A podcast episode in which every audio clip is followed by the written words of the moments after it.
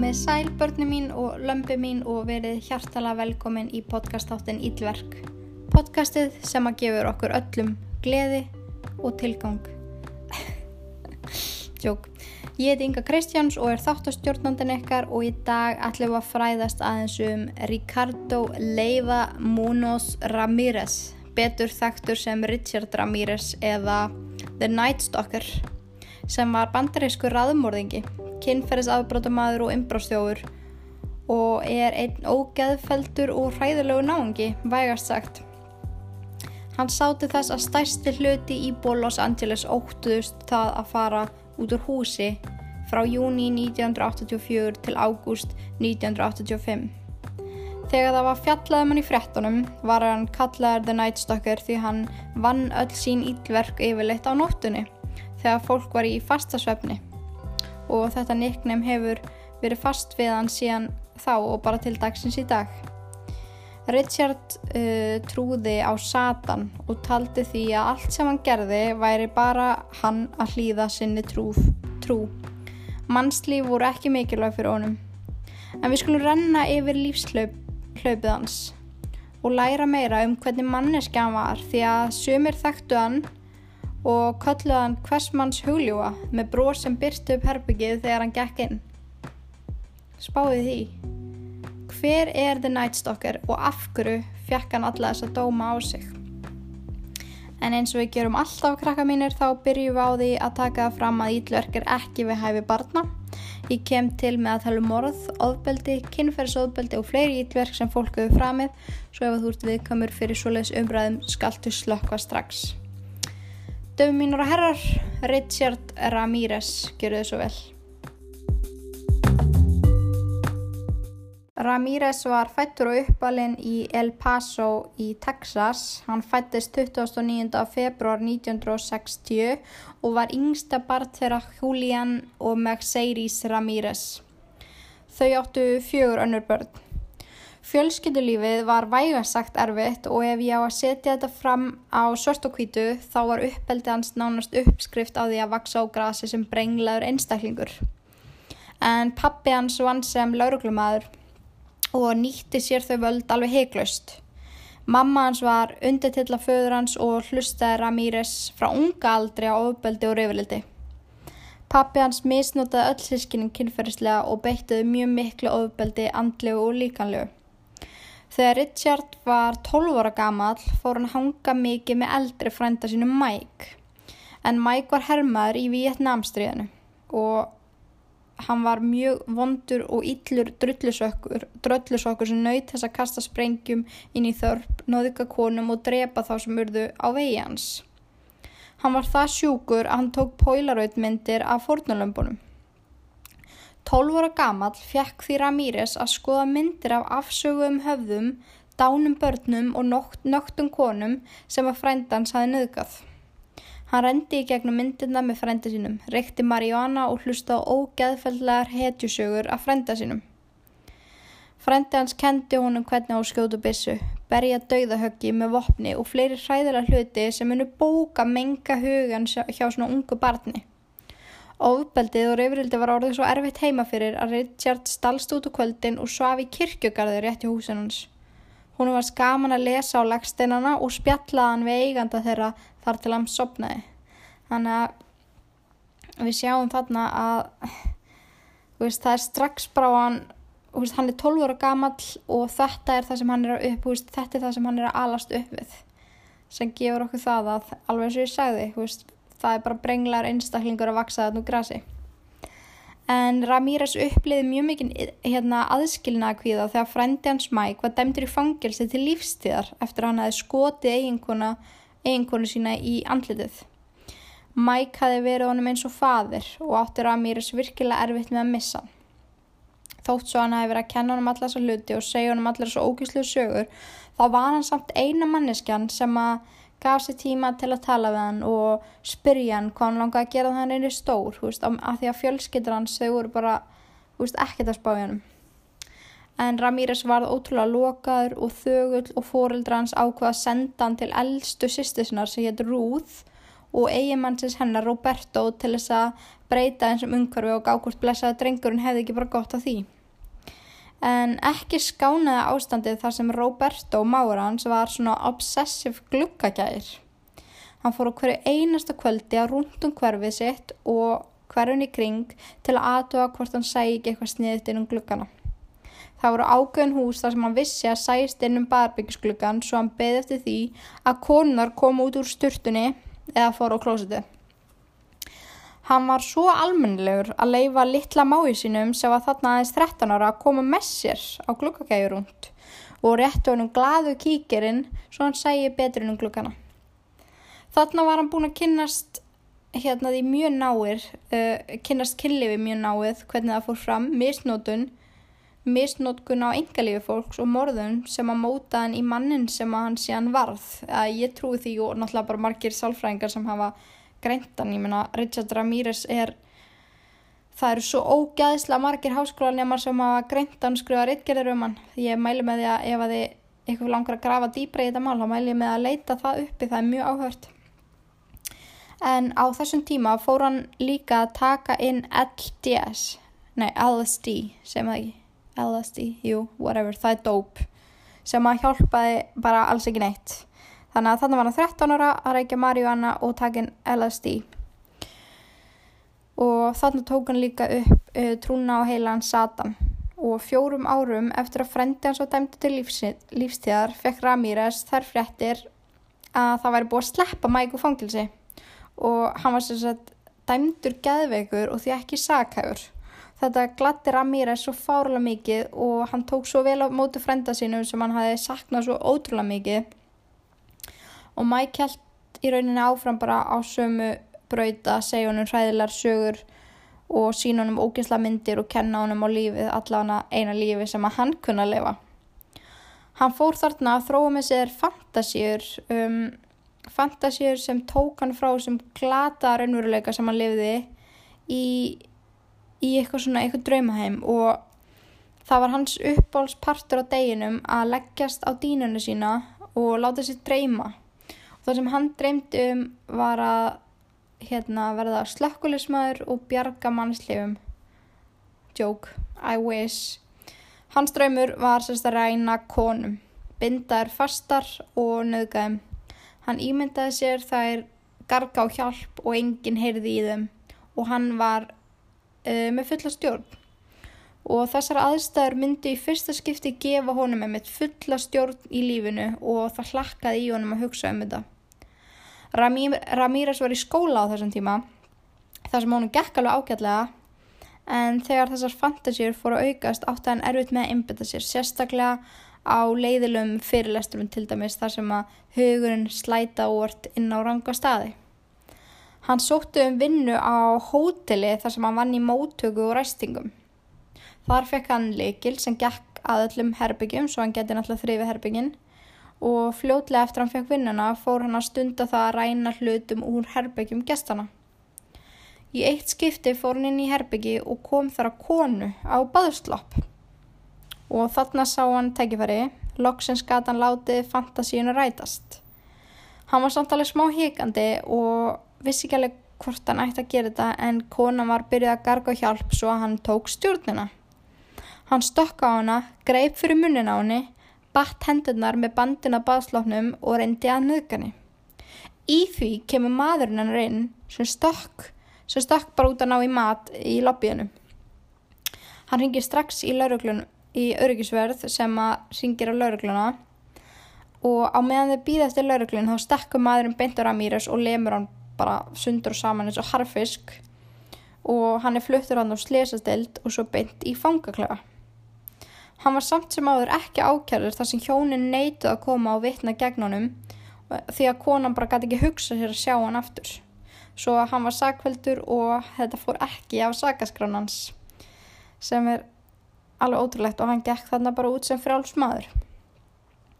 Nokkrum mánuðum eftir þetta atveik hætti hann í skóla og fluttist til Kalifornía. Hann var um 16 ára. Um, þar fann hann sér vinnu og náði eftir nokkra mánuð á göduna að leia sér herbergi í íbúð. Þann 10. april 1984 var Rímer Ramírez að ganga heim á vinnunni. Hann tekur eftir ungri stelpu leppa neyri bílakjallara sem er hann rétt hjá. Og það er eitthvað innra með honum sem að þvingar hann til að elda hana. Hann getur ekki útskilt hvað það var. En hann kallar á hana og bara eitthvað, hei, hún lítur við og heldur svo áfram að lappa áfram. Mögulega aðeins hraðar. En hann hljópa eftir henni, barði hann í höfuðið og rótaði hana. Hann dró hana lengra inn í bílakjallaran og nöðgaði henni og stakk hana svo yfir 50 sinnum. Hann hengdi svo líki af henni í vassleðslur sem voru í lofti bílakjallarans. En þetta var fyrsta morðra mýrar sem vitað er af allavega. Hann forðaði sig á því hversu auðvelt og náttúrulegt þetta hafi verið einhvern veginn og hann trúði því að Satan hafi leitt hann í gegnum þetta og hann hafi á stórkostlegan hátna á þjóna honum og trúnir sinni. Hann slapp algjörlega með hann að glæp og döði þessara ungu stelpu var bara cold case og það vissi aldrei neitt hvað komið fyrir hana ekki fyrir hann hjátaði þannig mörgum ára síðar. Hú, en ok, byrjum hægt og rólega, tökum okkur smá pásu, fáum okkur mönns, byggjum til Jésu, Jésu sín og heyrum nokkur orð frá styrtalaðala þáttarins og komum svo aftur og höldum áfram. Uh, sjáumst þetta smá.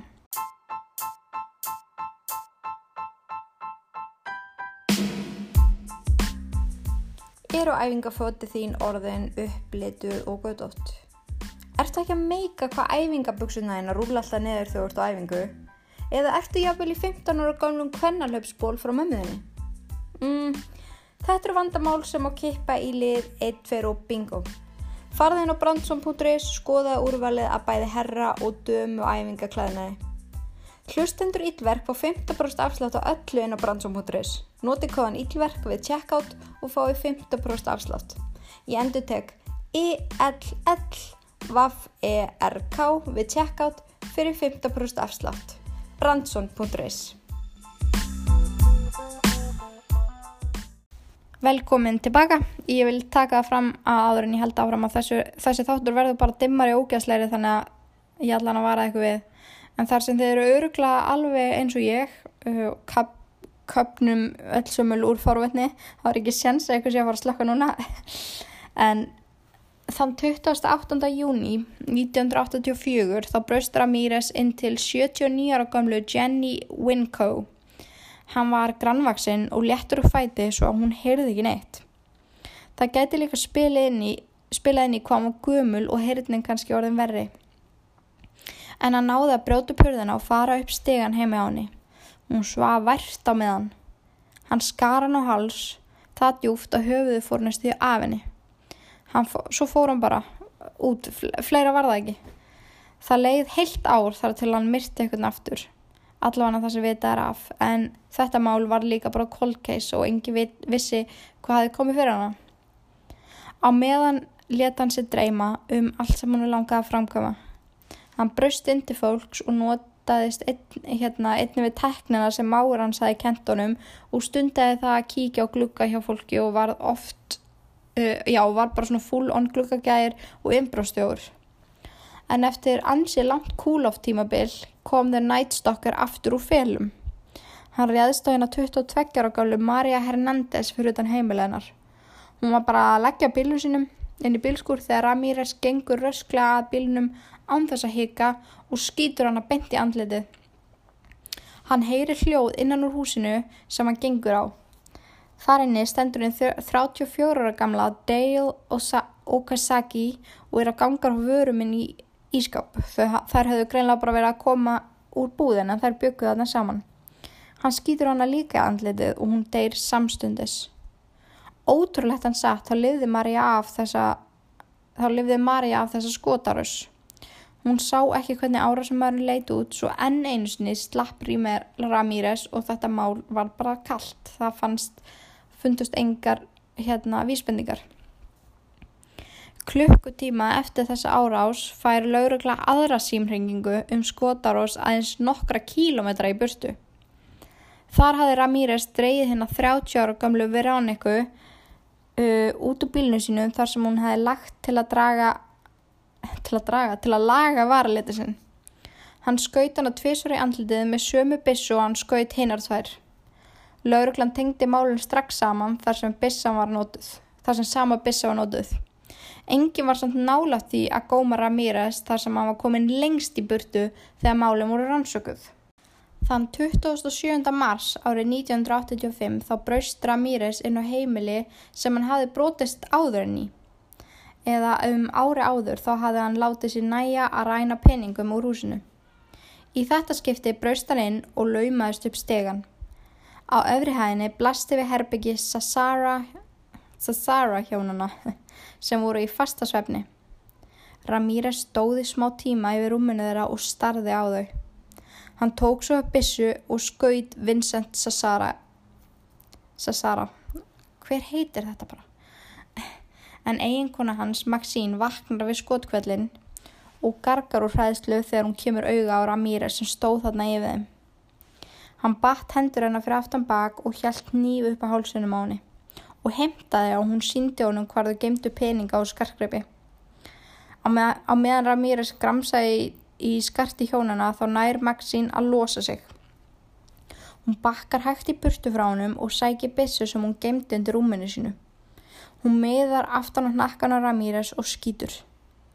Því meður þá var, þá var hérna bissan óhlaðin og Ramírez snýr sér við þegar hann heyrir smellin í óhlaðinni bissunni. Hann ræðist samstundus á Maxín fyrir að reyna að óhlina sér og skýtur hann á þreysusunum í andlitið. Hann hljóp svo niður stegan og inn í eldus og sótti nýf. Hann fór aftur upp í herbyggju og stakk Maxín yfir 50 sinnum út um allan líkamann. Hann kroppaði svo úr henni augun með nýfsóttunum og setti hérna í skarkreifarskrín sem hann síðan tók með sér. Hann notaði sömu bissu í hinum glæbunum og þarna fór gælunafnið The Night Stalker á fullt en að því að lauruglan alltaf bara tengdi það saman að mannisken sem var að gera þetta allt var að nota sömu bissu og fólk fór að kalla hann þetta. En fólk var þannig bara döðrætt að fara út og hvað þá að fara eitt út og þá sérstaklega á kvöldin eða mjög sent, já, sent á kvöldin og það voru bara einhvern veginn allir hrættur um að verða næsta fórnalamp The Night Stalker því að hann greinlega valdi bara fólk að handa á við. Það var engin einhver sérstak ástæð fyrir hann, fyrir hann reðst á ákveðu fólk. Svo að engum fannst hann vera óheldur ekki eins og á heimilinu sínu með allar hurðu læstar. Dægin eftir kom sonur Maxín og Vincent í heimsók til fólkdra sinna. Þau, og þau höfðu sérst ákveða að borða saman. Hann kom að líka um fólkdra sinna og, og ringir í laurla en þú veist, ángríns það var svo oft í málunum hans Ramírez sem að fjölskyldumellumir voru þeir sem að uppgötu líkin af fólkinu.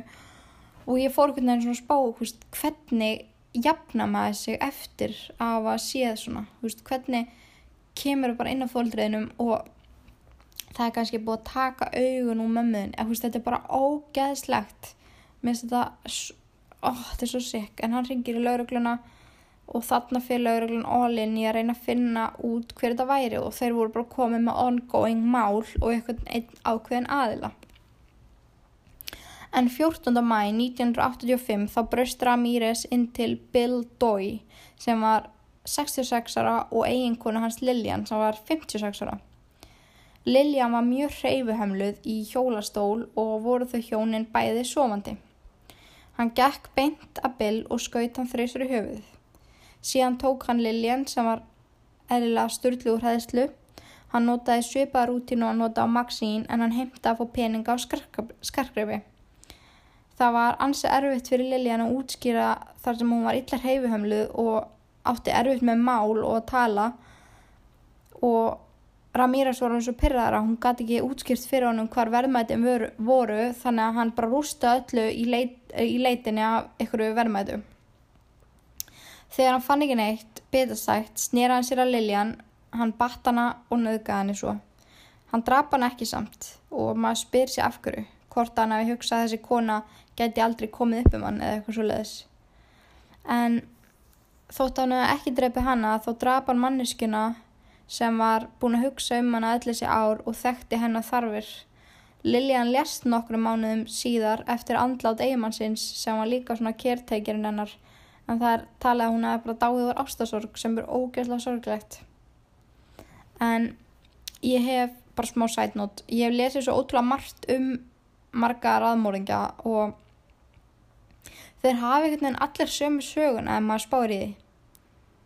Mm, um, já.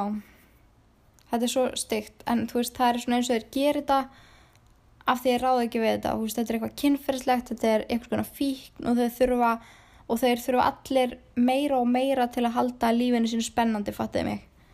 Og allir segja þar eða allan flestir sem að ég hef verið að hlusta og þeir hata drápspartin það eru flestir sem segja bara veist, mér finnst gaman að hugsa um það að drepa, mér finnst gaman því ég er búinn að drepa og að nota líkið í allt sem ég vil og bla bla bla og veist, allt svona eftir á og áður en flestu finnst það að drepa vesti parturinn.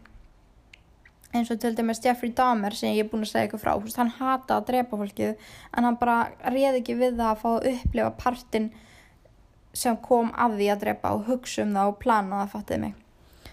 En, en Richard Ramirez hann er svo einu sem ég lesi um þar sem að hann hefði bara hann hefði bara gaman að drepa. Hann gerði þetta að því hann langaði að drepa því að til sjáu líka hann, hann var ekkit eitthvað mikið að veist gera við líkin, hann bara oft drap og fór, bara kom inn, skauti eitthvað og fór, því að það er það sem gaf hann kikkin og þú veist, hann brosti þegar hann skar mannesku háls og hann taldi þessi trú um að hann væri að þjóna, þjóna trúni sinni og fylgja fyrirmælum hinn heila Lucifer en flesti taka líka mun meiri tíma í svona resting period þar sem að þeir eru svona laying low og láta lítið fyrir sér fara. Ég vonum það eðist upp en það var einhvern veginn ekki hægt að, hægt að segja það um Ramírez hann gerði þetta stundum túrst með klukkutíma á millibili.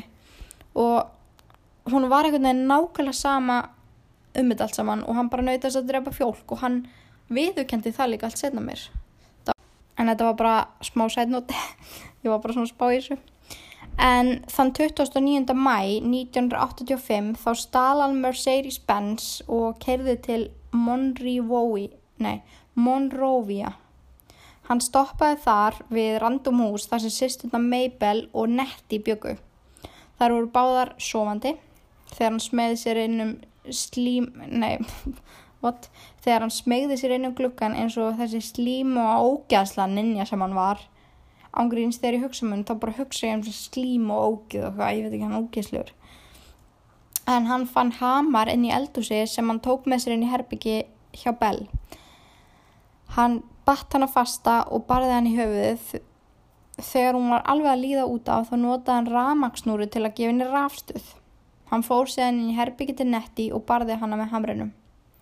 Hann tók svo varalit úr herbygginu hennar og fór með hérna og skrifaði eitthvað djöbla, svona djöbla tákn á vekkin og á læriðinni, lærið á henni.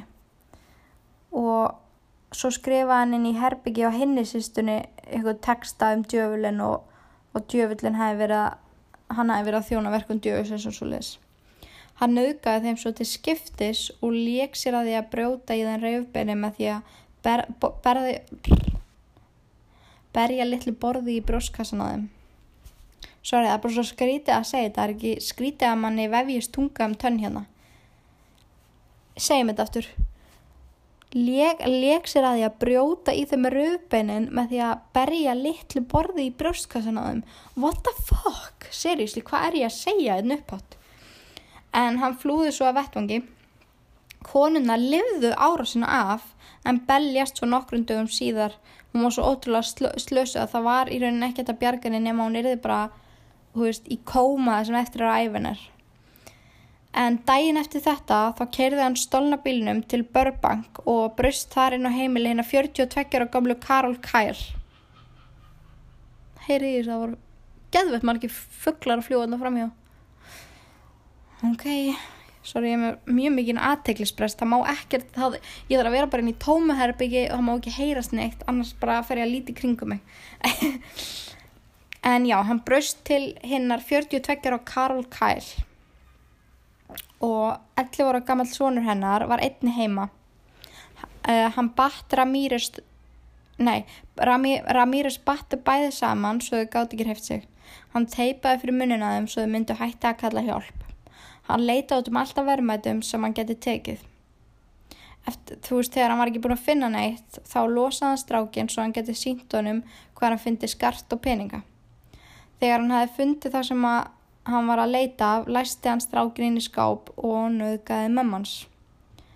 Og það er notað orðið sodomæst í þessari árós og ég viðkenni ég hef ekki hýrt um þetta orðið áður, bara aldrei og ég var að googla það og ég viðkenni ég hef betur slefti en það þýðir sérst að stunda ósamþygt mök í æðri endanaður og ég sá bara fullt af myndum sem að mér langaði alls ekki að sjá. Þannig að láta það bara döga að ég hef sagt ykkur hvað þetta þýðir ekki googla þetta nema að ég vilja vera ónýta eilífu. Ég allan á að varaði ykkur við. Ói. en þegar hann hefði lokið sér af þá sótti hann strákin hann battu saman aftur handjátnaði við opn sem var í herbyggi og flúðaði vettvangi Hann kerði aftur tilbaka og skilaði bílum nákvæmlega þar sem hann hafi stólið honum.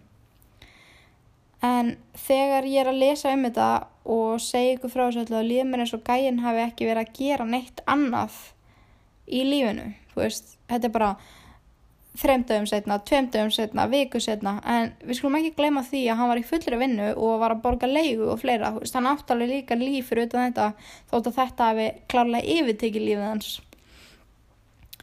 En það er alveg magna líka bara hvað hann náði mörgum andvökunóttum og svo heilum vinnutugum eftir það. En þú stundum var hann bara á nóttina rúndum og finna fórnalömp, drepa hud og síðan fór hann bara í vinnuna vann feila dag og þannig gekk þetta aftur og aftur og aftur en það er ekki eins og ég sé eitthvað að kalla hann djöfisins aðmanniski að vara Míres hann hefði því líka orka allan hefði verið að nota góð orkudrykki.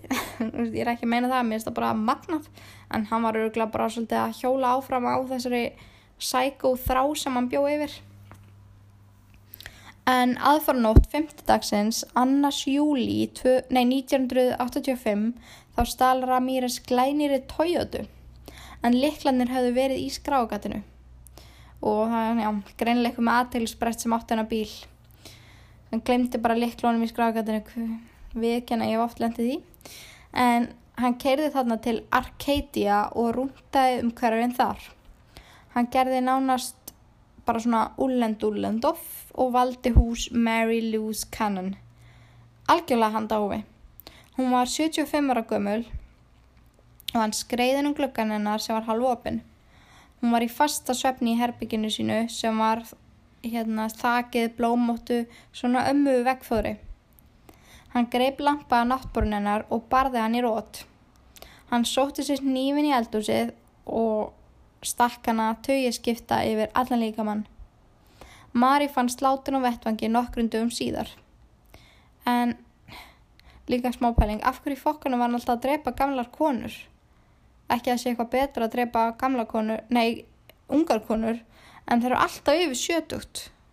Ég voru að hugsa að kannski að væri, væri það af því að það væri auðvöldara eða eitthvað svo leiðis en, en hann reðst náttúrulega inn til alls þess að fólks bara svona randumli þannig að þetta er allt mjög fárlegt og já, fárlegt reyla vaktalóra tekið en já, ég var líka svo ég segi frá því, þá var ég alveg tímabölu að hugsa hvort ég ætti að segja ykkur frá öllu sem hann hefur gert eða bara partur því þar sem ég er að fara að tellja búinlega mörg mál. En þið báðum um að taka þetta mál og þá fer ég all in for you guys, fam.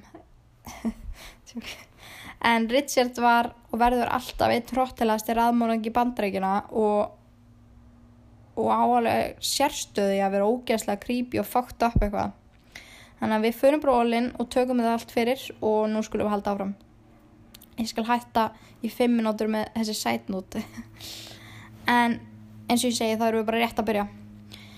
Þann 5. júli 1985 braust hann svo inn á heimili Bennett fjölskytunar.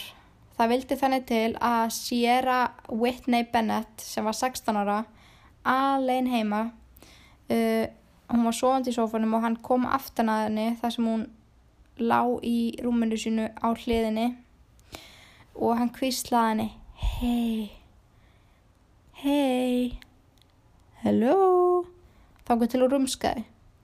Þegar hann sá hann að lítið augun á sér, skjelvingulostinn, tók hann felgujátnir sem hann var með í annari hendinni og barði hann í höfuðið.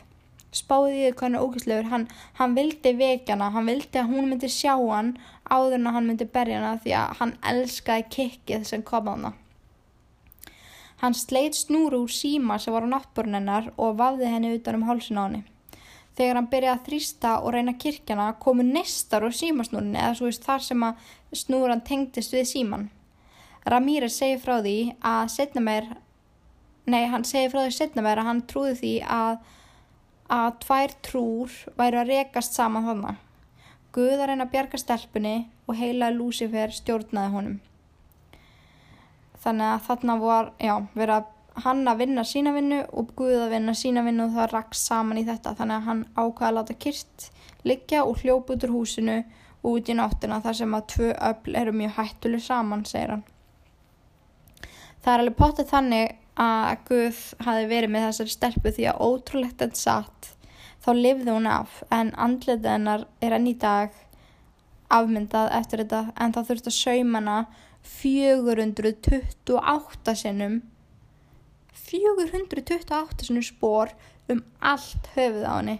Og ég vil bara segja Whitney Bennett fucking fighter spáði í því. Manni finnst 20 spór alveg rosalega mikið. Spáði því að vera saumaður rakaður allt hárið og það bara saumaði yfir alla högkúpið að hann var búin að berja hana með felgujotni bara til óbóta hú, ég bara var svo hitt í hamsögur þessu en fimm dögum eftir þessa áráðs eða 7. júli nei, betur nú við er ég að segja rétt nei, nei, nei 17. júli 1985 þá braust Ramírez inn til hennar 61 áskömmlu Joyce Lucille Nelson Hún lá í fasta svefni í sófanum fram í stofu. Hann notaði aðeins aðra taktik á hanna en í staðin fyrir að berja hana með eitthvað svona vopni þá ákvaði hann að sparka bara í hausin á henni það til hún leið út af. Og já, í rauninni, hann í rauninni sparkaði, sparkaði hana til dauða sem er fokking ógeðslega sikk og þegar þessi vettvangu var skoðar þá fann skófar í andlitur á henni en þessi, þetta skófar var einmitt notað í gögnunum gegnunum og var í rauninni svona fyrsta sönnunagagnið sem að leti lauruglaði að finna hann. Sama dag þá braust hann inn til Sophie Dickman sem var 63 ára. Hann handjána hana við opnin inn í stofunennar. Ok, eitt sætnóti viðbót. Hvað á gæinn mikið af handjánum eiginlega?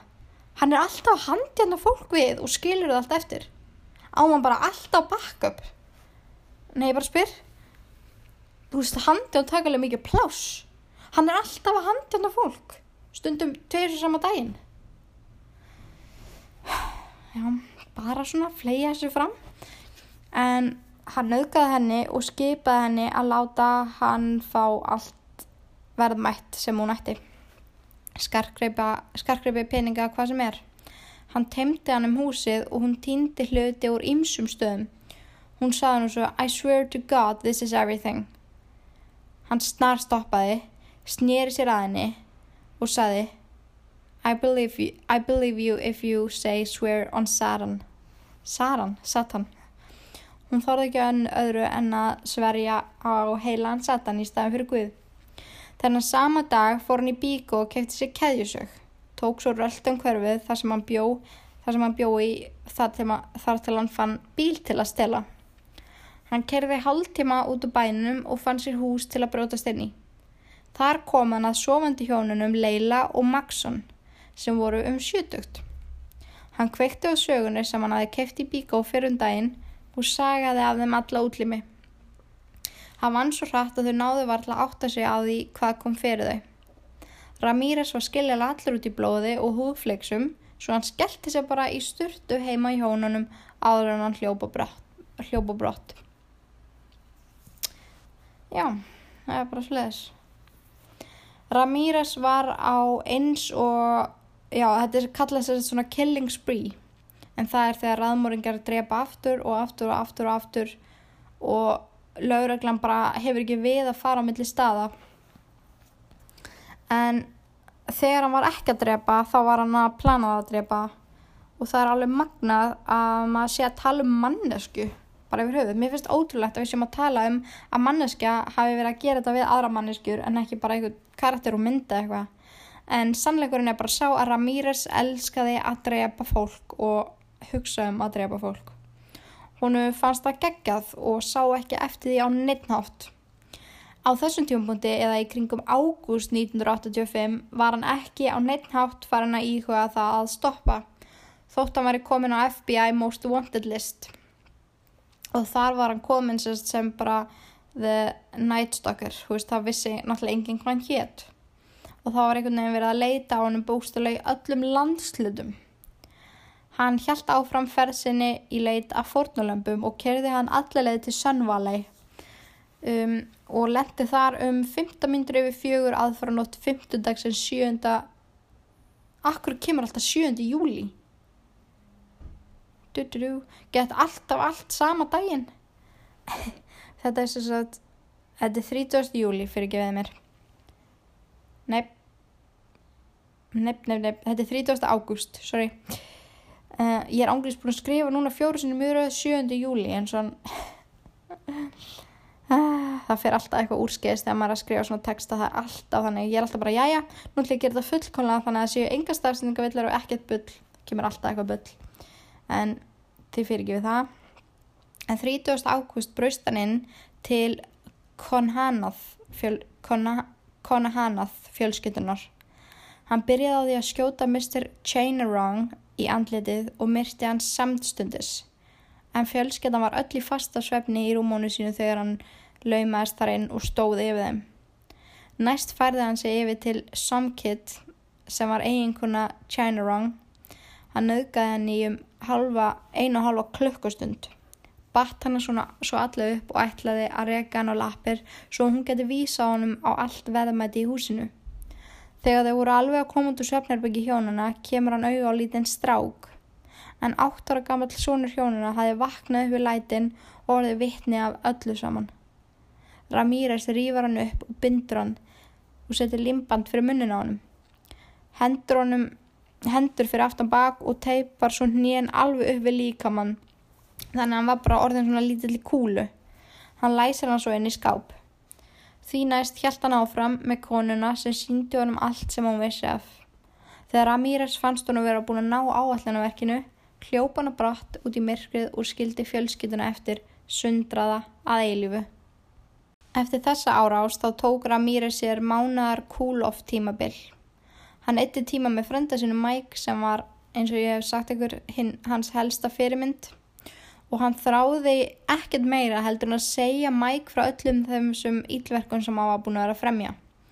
En hann gæti náttúrulega ekki hérna, hætta að vera handekinn. Mike fór mér hérna, að tala við hann um The Night Stalker og Ramírez náttúrulega bara kinkaði kolli og saði yes, that son of a bitch. En hans stæsti draumur var að segja I am the night stalker. Og vera einhvern veginn harðari af sér heldur en frendi sinn með miklu starri og meiri brútal sögur. Og það fór alveg meðan að geta ekki deilt þessu. Og geta bara viðkjönda að vera orðin meira skrimsli en nokkuð tíma frendi sinn. En en enginn vissi þetta nema auðvitað hann og, og Satan og fólknarlampin en tímabil þar sem raðmúrðingi er ekki að drepa er kallað cooling off period. En þráttur að hann væri ekki að drepa þá var hann samt sem áður að brjótast inn til fólks hvort sem það var heima eða ekki. Og það var ótrúlega mörg fórnalamp hann sem að lifðu það af að láta Ramírez ræna sig því að hann emitt fóstutu bara með þeim tilgangi að ræna peningum og, og dýrgripum. Dýrgripum? Get, uh, hvað heitir þetta þurr ég man það ekki, kallum þetta bara dýrgreipi núna. Skarkgreip og svoleiðis fatti. En þau muna endi dagsins í dag hvernig það var að sjá hann standa yfir umhúnið þeirra, róta í skuffunum þeirra og geta ekkert gert. Sumir sem að hann rendi gáttu meira að segja að gefi lýsingar á hannum þar sem sást stundum glittasmá í rótnandi ógæslu tennunar á hannum og svörtu pýrðu augun og dökka krullað krulla hárið. Út frá þessum upplýsingum þá var byggðið artista um að rissa upp mynda á hannum svo hægt var að auðlýsa eftir honum og gefa fólki einhverja hugmyndu um hvernig hann leti út. En eftir að teikningin var gefin út fekk lauruglan um 3000 símtal á dag svo voru lítið sér ekkert gagleg. Ramírez var enn og enn einu sinni frjálsins úr fugglin og hann hafði ekkert verið að hugsa sér að stoppa. Um, 7. september 1985 þá keirir Ramirez til Northbridge og brust inn til Chris og Virginia Patterson. Hann skreiðin í svefnherbyggjaðra. Hann var orðin svo klárið þessu að það heyrðist ekkert í honum. En þarna þá rekur hann fótinn í rúmið, í svona rúmfótinn svo Virginia rumskar. Þegar hún kemur auga á dökka veru skrýðandum gólfið og sér svörtu augun mæna á sig þá rekur hún væntaleg skelvingar öskur. Ramírez sóar engu tíma. Hann stendur upp, þrýstir bissinu upp að enni Virginia og skýtur hana. Hann fer síðan yfir til Chris, sér rýfur í bissinu og reynir með öllum sínum kröftum að slást á móti. Ramírez reynir að flýja en þegar hann er komin, í, komin neðst í stegan heyrir hann Chris kalla Hey motherfucker! Chris kemur hlaupandi niður stegan og Ramírez skýtur hann einu sinni enn. Nei, skýtur hann einu sinni. Chris gefst ekki upp og rýfur í hann. Þeir byrja slást og berjast um byssuna. Þegar Ramírez fær tækifæri skýtur hann Chris þreysfri viðbútt. Hann grýpur, hann grýpur úr og peningar sem er í skáli á útættarahurðinni og flýr svo brott og hleypur út í myrkrið. Þrátt fyrir þrjú byssuskot, eitt í höfuð og tvö bringu og eitt byssuskot á milli augnana og hlifðuðu bæðið þetta af. Ég held ég að hef sagt að hún hefði dáið samstundis. Hún liðið þetta af sér svo ef að ég saði það, sorry með mig. En þau geta líst atbyrðunum eins og hann hefur gæst í gær. Og bara, þú veist, hvernig er hægt að lifa aðlilegu lífi eftir þetta? Ég held að þetta skella mér allavega í spennitrei og loka minni. Um, það er ekkert að setja sig í þessi spór einhvern veginn.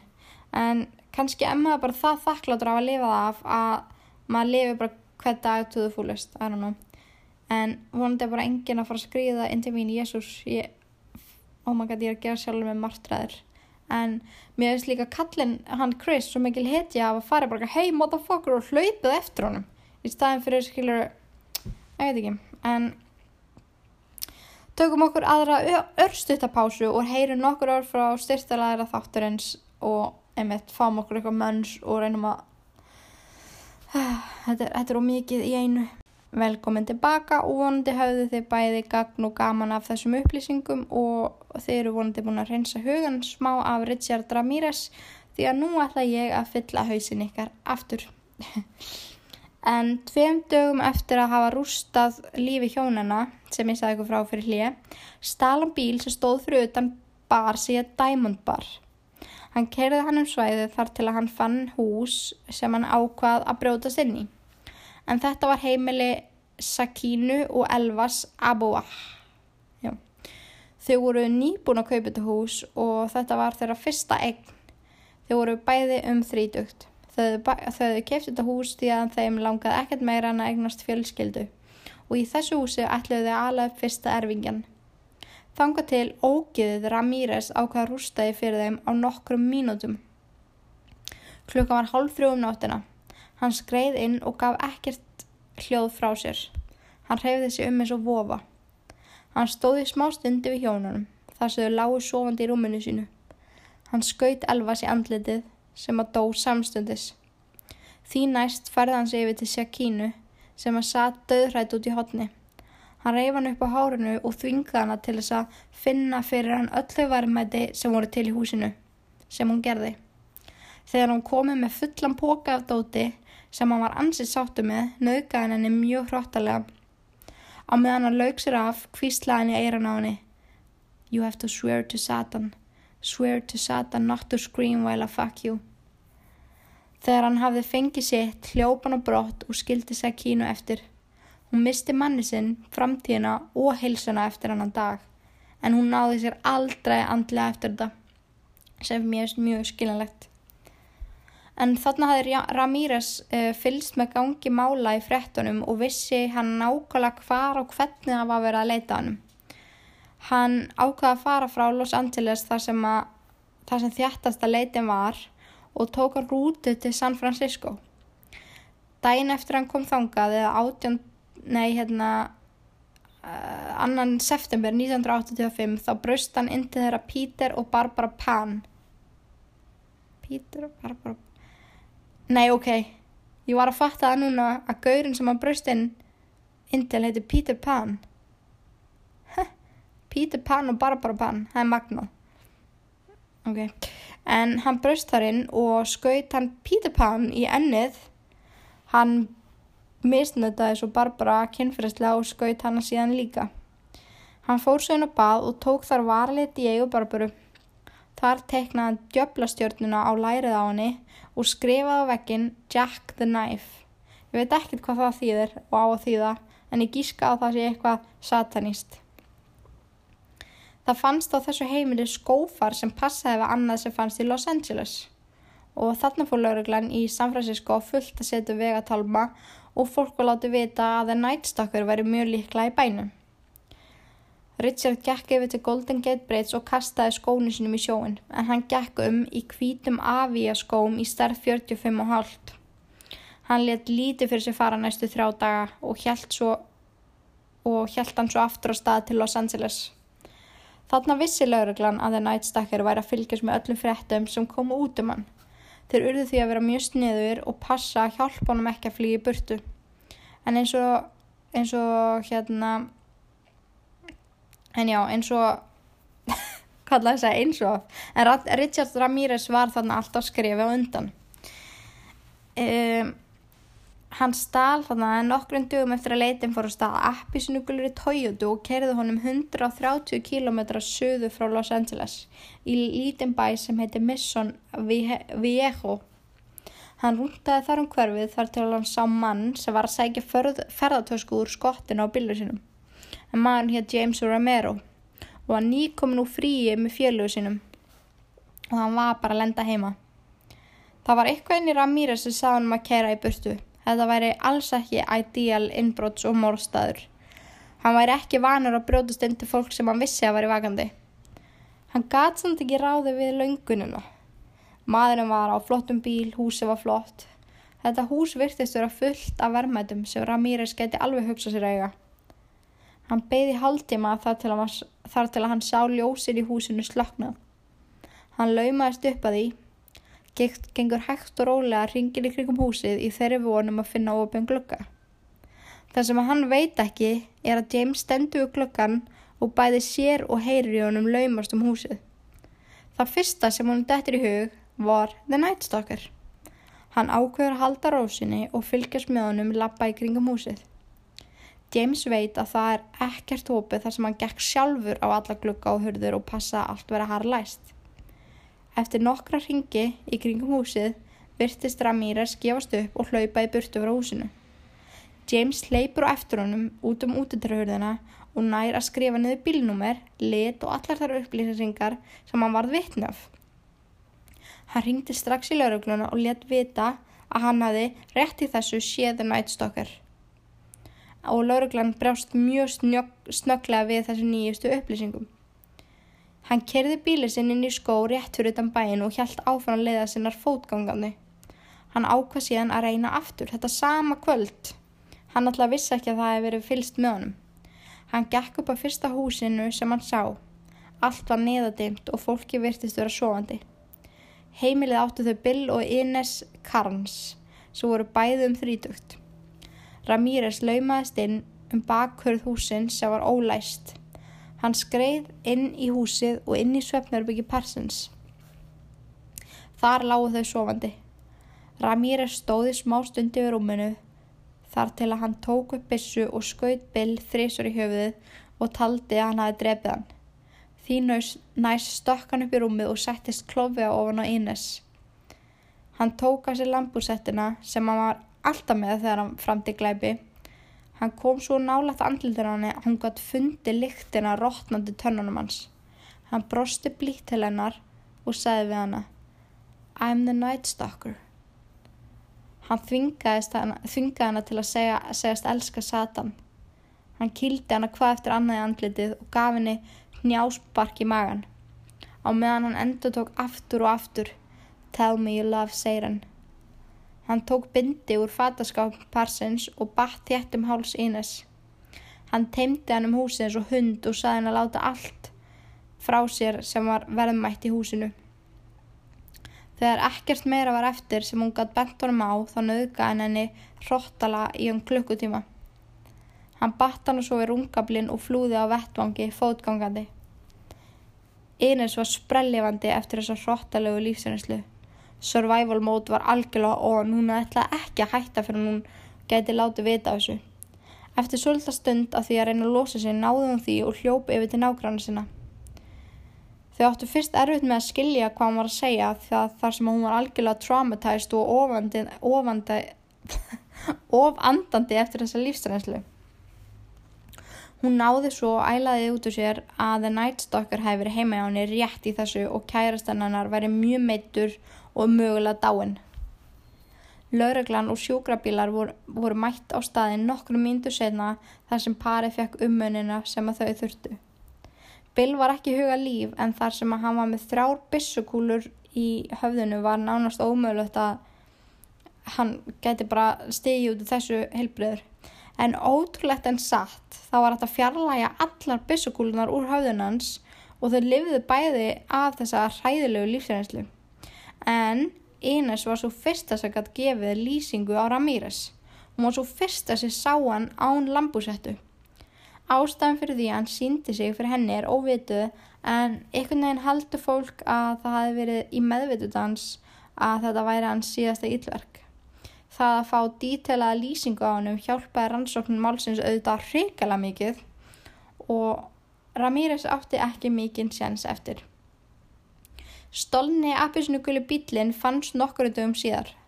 Þar, þar náðu þeir fingrafari sem var samstundis rendi gegnum gagnagrunn lauruglu og BOOM! Richard fucking Ramírez kom upp mugshotmynd af þessum ógeðfælda manni þar sem hann hefði setið inn í nokkra daga ári áður fyrir það að hafa stóli bíl. The Night Stalker var loksins komið andlit. Andlit sem var hægt að dreifa út um allt svo allir getur lagst á eitt að ná allræmdasta morðmorðingja og nöðgar á afbrátamanni í sögubandaríkjana.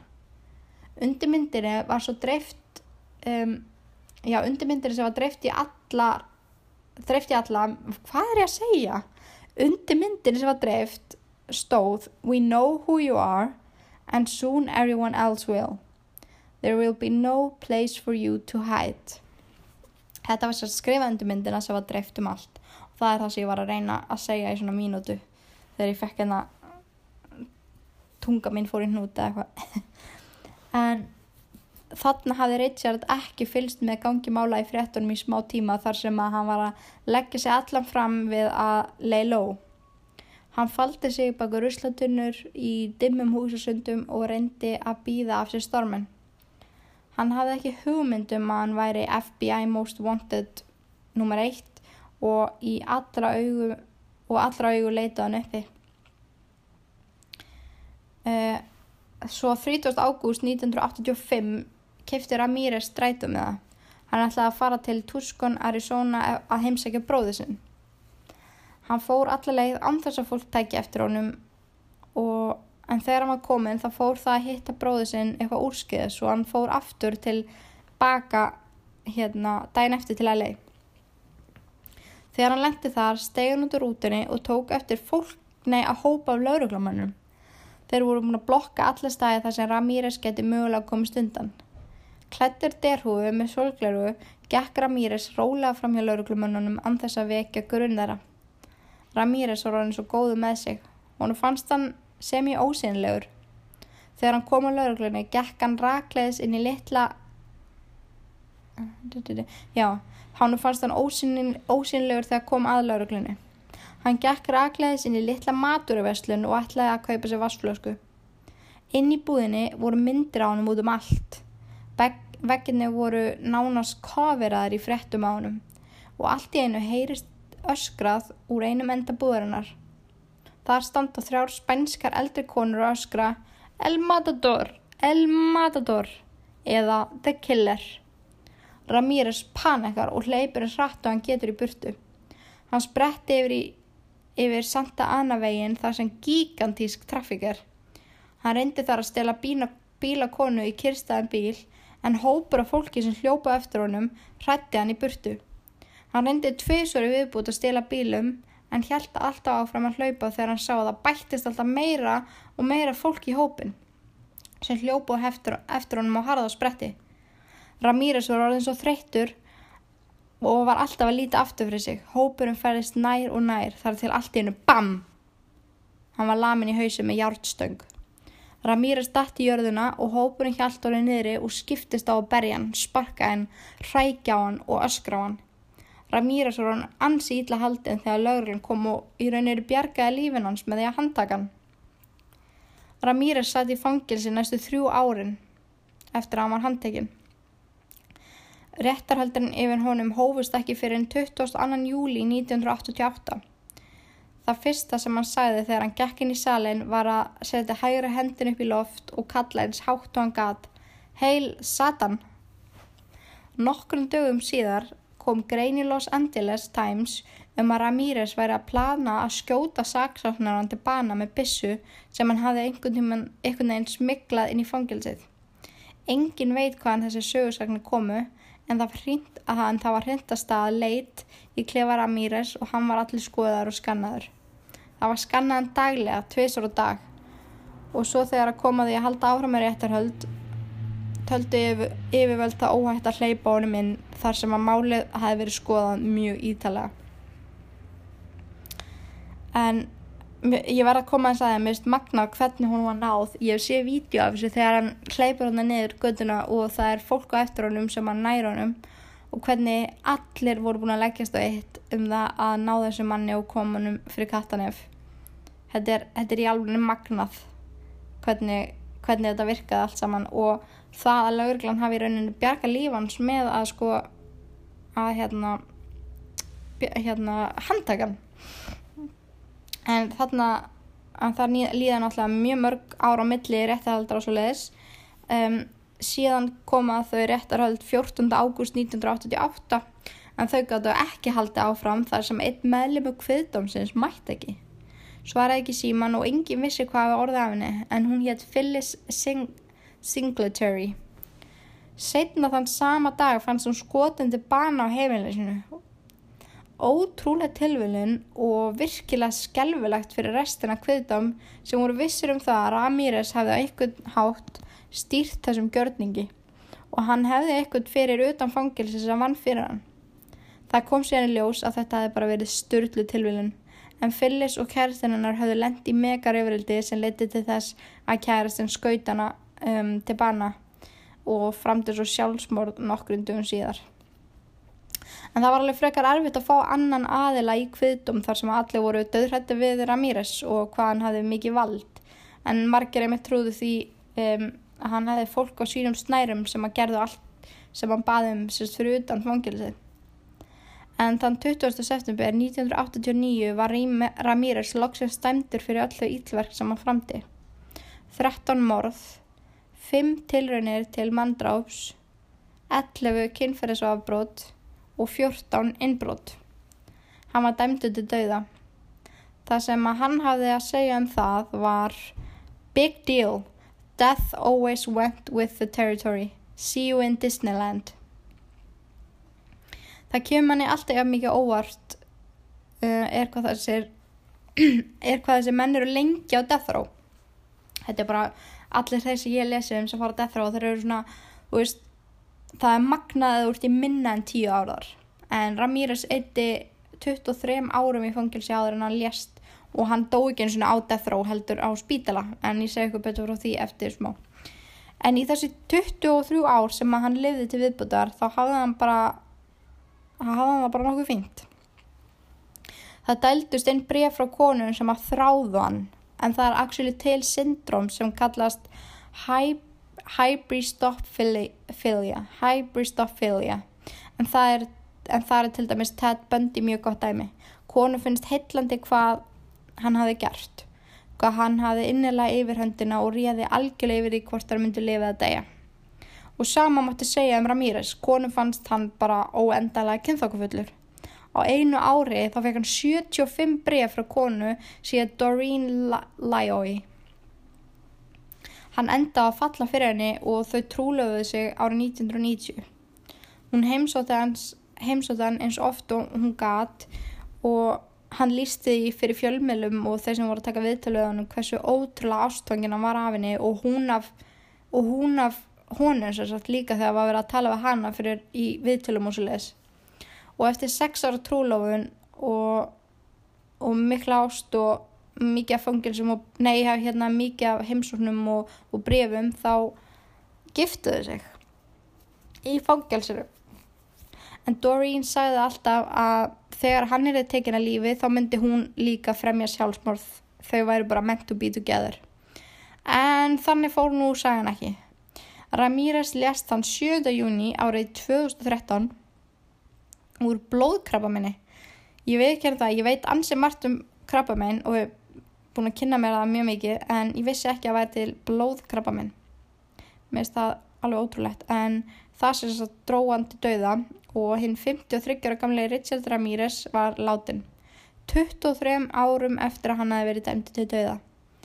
En ef allt hefði gengið upp eins og plönin áttu að verða þá hefði hann verið settur í gasklefa og drepin árið 2020 en ég myndi segja að örlögin hefði tekið sína stefnu og vonandi rótnar Ramírez í helviti með satan fjölaða sínum og öllum þeim djöplum sem hann hafði að draga.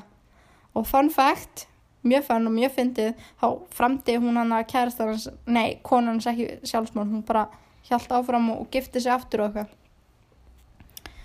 Þannig að hún var ekki dedicated og maður hjælt hmm.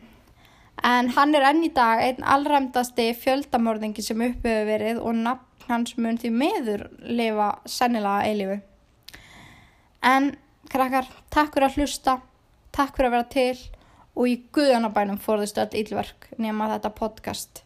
Verið sæl. Kill 13 people?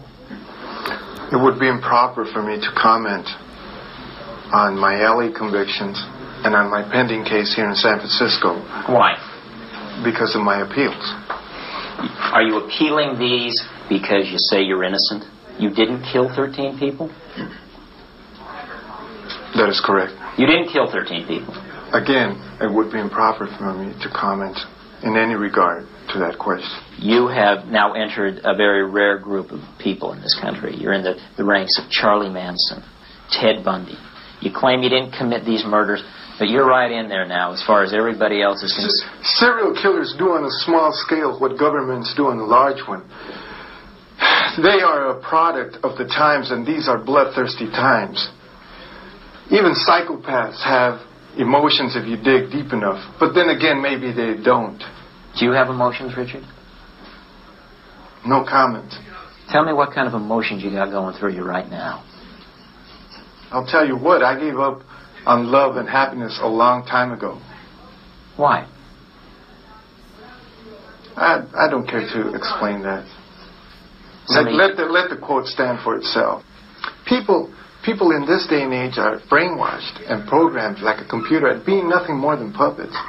This nation, this country is founded in violence.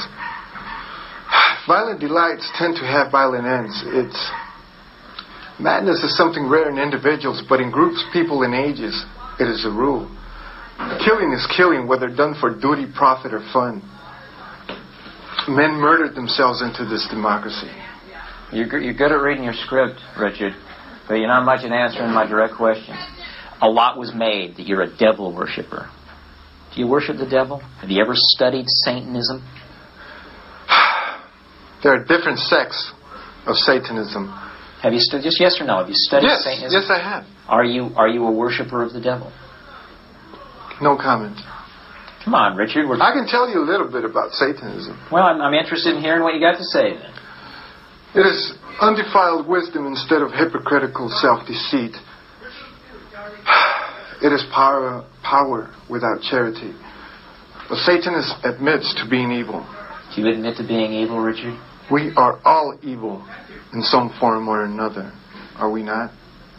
I'm asking you the questions, my friend. yes, I am evil. Not a 100%, but I am evil. Evil has always existed perfect world most people seek shall never come to pass, and it's going to get worse. The great epochs of our life is when we gain the courage to rebaptize our e- evil qualities as being our best qualities.